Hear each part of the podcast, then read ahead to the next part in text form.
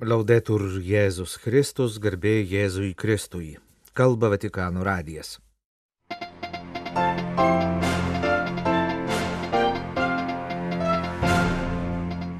Popiežiaus audiencijos Italijos retų lygų federacijos atstovams ir universiteto delegacijai iš Tbilisio. Sinodo žemyninės asamblėjos prasidėjo Centrinėje Amerikoje, Šiaurės Amerikoje ir artimuosiuose rytuose. Marijonai išsirinko naująjį savo vienolyjos vadovą. Dominikonai mini garsiojo savo ordino nario Šventojo Tomo Akviniečio sukaktis. Pirmadienį vasario 13-ąją popiežius Pranciškus priėmė Sakartvelo sostinėje Tbilisyje veikiančio Sulhan Saba Orbeliani universiteto delegaciją. Šis universitetas išsivystė iš 2001 metais Kaukazo Lotynų apieigų katalikų apaštališkojo administratoriaus vyskupo Giuseppe Pazotto įkurto Filosofijos, teologijos, istorijos ir kultūros instituto. Šiandien universitetas be minėtų sričių taip pat siūlo verslo vadybos, sociologijos, psichologijos, teisės ir tarptautinių santykių studijų programas. Il termine educazione, Ganatleva, è molto interessante. Deriva dalla parola luce ed evoca il passaggio dall'oscurità dell'ignoranza alla luminosità della conoscenza. Terminas švietimas yra kilęs iš žodžio šviesa ir primena perėjimą iš nežinojimo tamsos į žinojimo šviesą, sakė popiežius sveikindamas savo svečius. Kai tamsiame kambaryje uždegame šviesą, niekas, kas yra kambaryje, nepasikeičia, tačiau mes pamatome tai, ko tamsoje negalėjome matyti. Pasak Pranciškaus, tokios pažinimo šviesos labai reikia mūsų dienų pasaulyje, kurį gaubia tiršta neapykantos tamsa, kylanti iš mūsų užmaršumo ir abejingumo. Kai neatsimename to, kas svarbu, kai esame abejingi kitiems žmonėms ir jų gyvenimui, tuomet viską dengia tamsa ir neaiškumas. Kultūra ir švietimas atkuria praeities atminimą ir nušviečia dabartį. Šią prasme, švietimas yra labai svarbus ne tik jauno žmogaus ugdymui, bet visai visuomeniai.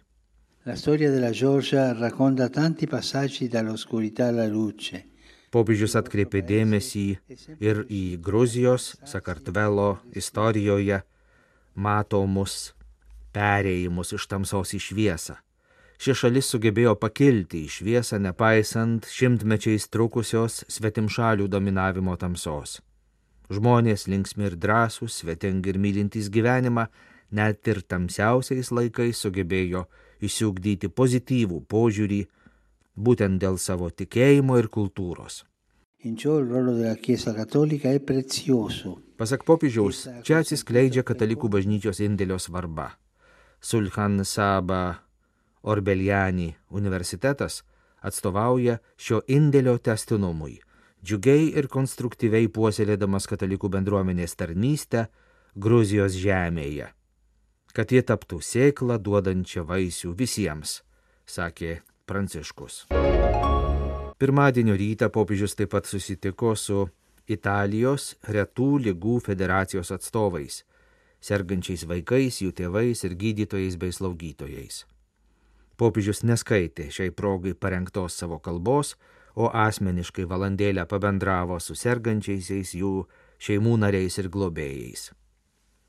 Įteiktoje popiežiaus kalboje visų pirma rašoma apie tokių draugijų kaip ši, vienijanti retomis lygomis sergančiųjų šeimas, reikalingumą ir svarbą. Pirmoji šios organizacijos vertybė yra dalyjimasis, rašoma popiežiaus kalboje. Iš pradžių tai yra būtinybė, Vėliau pasirinkimas. Kai tėvas ir motina sužino, kad jų vaikas serga reta lyga, jiems reikia susipažinti su kitais tėvais, kurie išgyveno ir išgyvena tokią pačią patirtį. Tai yra būdas vaduotis iš staiga prislėgusios kančios ir nežinomybės. Kitas, pasak popiežiaus, nemažiau svarbus dalykas yra tokių draugijų reikalingumas socialinėme ir netgi, politinė, ir netgi politinėme lygmenyje. Tokia asociacija kaip ši gali lemtingai prisidėti prie bendrojo gėrio kūrimo. Šiuo atveju gerinti šalies, regiono, teritorijos, sveikatos apsaugos paslaugų kokybę. Iš tiesų, gera politika priklauso ir nuo tokių asociacijų indėlio. Jos turi labai reikalingų žinių ir patirties. Žinoma, rašoma popiežiaus kalboje, sunku įsitraukti į bendrą veiklą, kai savo namuose reikia kovoti su tokiais rimtais sunkumais. Tačiau būtent čia slypi asociacijos ar dar labiau federacijos stiprybė. Tai gebėjimas suteikti balsą daugybei žmonių, kurie vieni negalėtų būti išgirsti. Galiausiai popiežius savo kalboje dėkoja už apsilankymą ir meldžia Dievo motiną lydėti kiekvieną žmogų ir kiekvieną šeimą susiduriančią su reta lyga. Popiežius Pranciškus pasiuntė sveikinimą Ispanijos Toledo arkivyskupui Francisko Sero Čavesui, jo vyskupijoje esančios Gvadalupės Dievo motinai dedikuotos šventovės susigiminiavimo su Meksikos Gvadalupės šventovė proga. Popiežius taip pat sveikina Meksiko arkivyskupą kardinolą Karlosą Agijarą Retesą. Pasak popiežiaus, sprendimas mėgsti ryšius tarp dviejų šventovių yra dar vienas priminimas, kad švenčiausiai mergelė Marija, mūsų motina, visada skatina žmonių bendrystę. Šventasis raštas ir apaštališkoji tradicija kalba apie Dievo motiną kaip tą, kuri subūrė apaštalus ir bendruomenę aplink save. Popiežius savo žinioje primena Šventojo Luko pastabą apaštalų darbuose, kad visa pirmoji krikščionių bendruomenė būrėsi į bendrą maldą kartu su Jėzaus motina Marija. Ši pirmosios krikščionių bendruomenės patirtis peržengia laikų ir vietų ribas, o Dievo motina su jai būdingu paprastumu ir toliau mus kviečia būti bažnyčia, kuri būtų visiems visada atviri maldos ir bendrystės namai. Jūs klausotės Vatikano radio tęsinę programą. Pirmadienį vasario 13 dieną bažnyčia artimuosiuose rytuose Šiaurės Amerikoje ir Centrinėje Amerikoje pradėjo sinodo žemyninio etapo susitikimus. Beirute, Libane, darbus pradėjo artimųjų rytų katalikų bažnyčios. Floridos mieste Orlande, Junktinėse Amerikos valstijose į žemyninę asamblėją susirinko Šiaurės Amerikos, Junktinių Amerikos valstijų ir Kanados vyskupų konferencijų delegatai. Tuo metu San Salvadoro arkivyskupijoje Salvadore prasidėjo bažnyčios Centrinėje Amerikoje ir Meksikoje regioninis žemyninis susitikimas. Amerikos žemyninio etapo dalyvius pasveikino viskupų sinodo generalinis sekretorius kardinolas Mario Grech, video žinioje pakartojęs tai, ką prieš kelias dienas pasiūstoje kitoje žinioje sakė Okeanijos žemyninės asamblėjos delegatams. Jis dėkojo už darbą, pažymėdamas, kad dedamos pastangos leis bažnyčiai eiti tuo keliu, kuris daugelie pasaulio vietų žadina Dievo tautos gyvastingumą ir stiprina jos misiją skelbti Evangeliją, kurią viešpats pavydė kiekvienam iš mūsų individualiai, bet virš visko visiems kartu. Sinodo žemyniniai etapai apjungia kraštų ir regionų viskupų konferencijas visame pasaulyje išskyrus artimuosius rytus. Šiame regione žemyninio etapo susitikime dalyvauja ne kraštų viskupų konferencijų, o septynių patriarchalinių rytų bažnyčių atstovai - patriarchalinės, koptų katalikų, maronitų, sirų katalikų, melkitų katalikų, chaldėjų, kilikijos armėnų katalikų ir Jeruzalės lotynų katalikų bažnyčios, arabų kraštuose veikia per šešias patriarchalinės ir hierarchinės organizacijas - Libano, Sirijos, Egipto, Irako, Šventosios žemės ir Arabų regiono katalikų asamblėjas.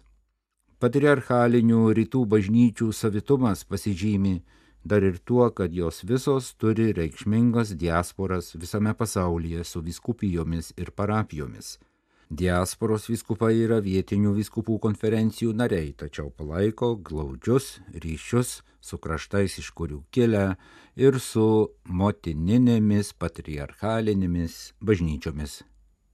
Vasario 23 dieną Bankoke prasidės bažnyčios Azijoje sinodo žemyninio etapo susitikimas.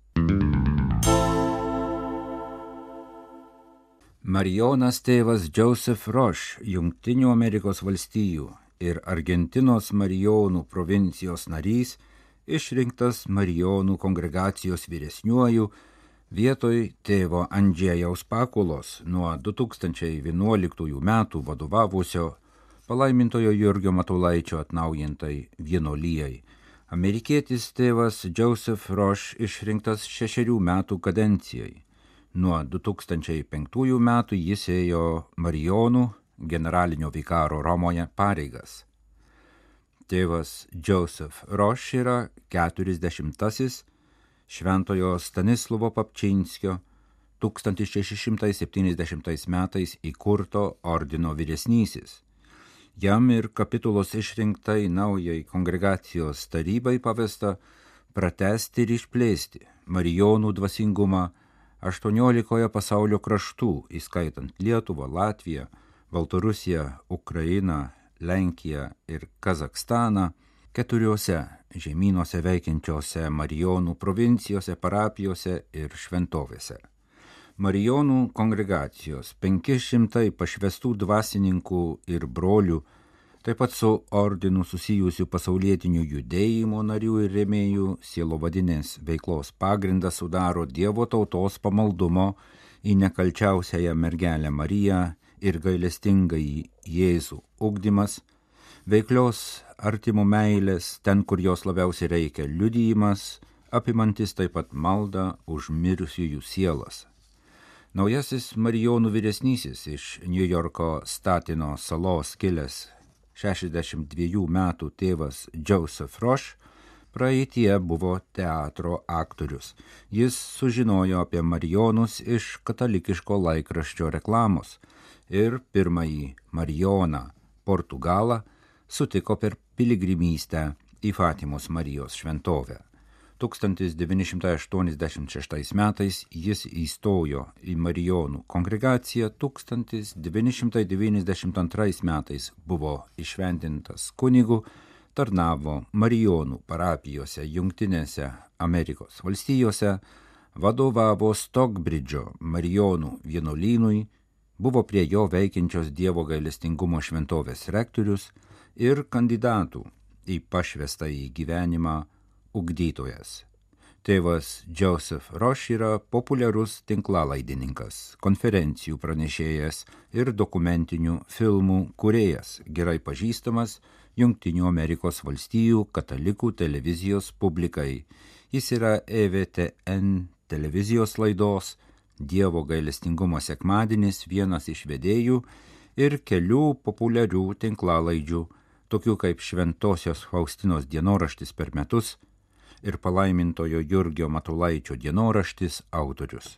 Prisistatydamas Marijonų kongregacijos portale apie save sako, supratau, kad Dievui viskas įmanoma, jei tik ištarsime taip jo kvietimui.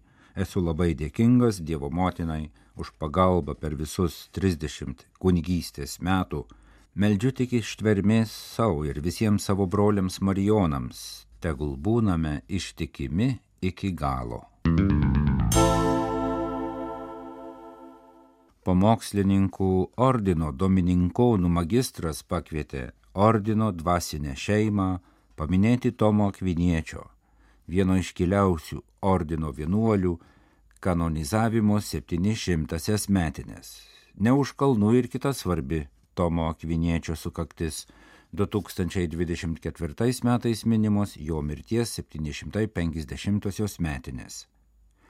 Ordino magistras tėvas Gerard ir trečiasis laiške pakvietė dvigubą jubiliejų švesti Tomo Akviniečio krikščioniškojo liudyjimo pavyzdžių.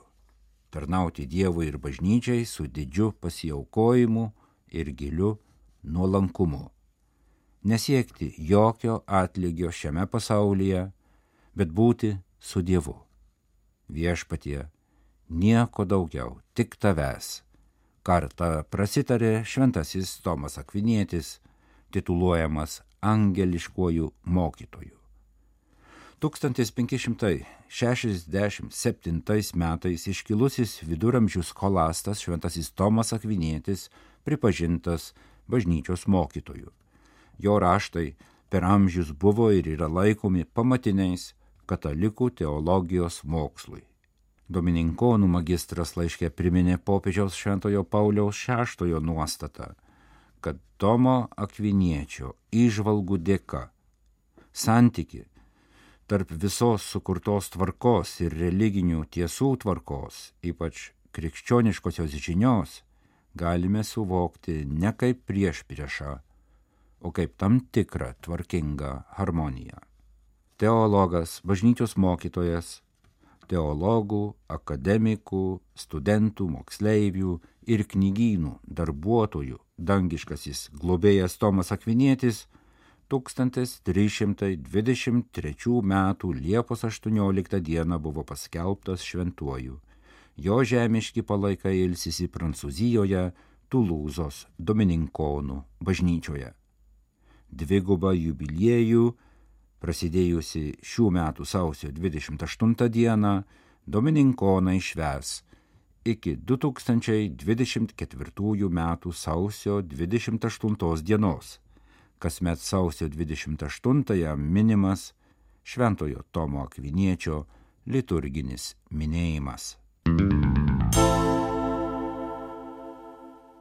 Popiežius Pranciškus įsteigė integralios ekologijos ugdymo ir mokslo centrą Laudato Si ir jo būstinę įkurdino popiežiškojoje rezidencijoje Kastel Gandolfe.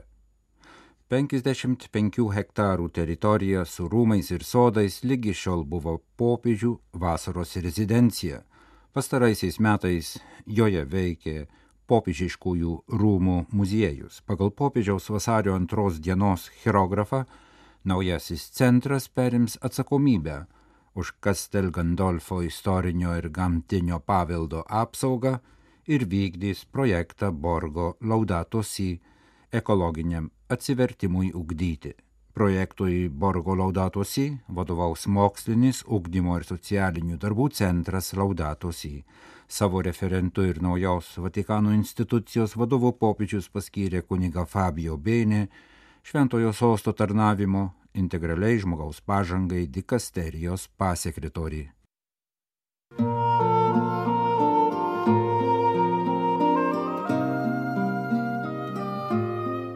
Kalba Vatikano radijas. Mėlyjeji klausytojai, primename, kad Vatikano radijo laidų jūs galite klausytis ne tik per Lietuvos radio kanalą Klasika ir Marijos radiją, bet ir per mūsų interneto radiją, kurio galima klausytis mūsų interneto portale.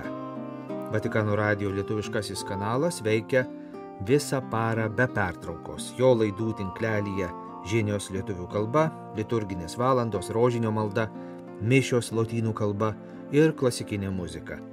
Primename mūsų interneto portalo adresą vaticannews.va lt. Jūs klausėtės Vatikano radio žinių laidos lietuvių kalba. Atsisveikiname iki rytojaus. Laudetur Jėzus Kristus.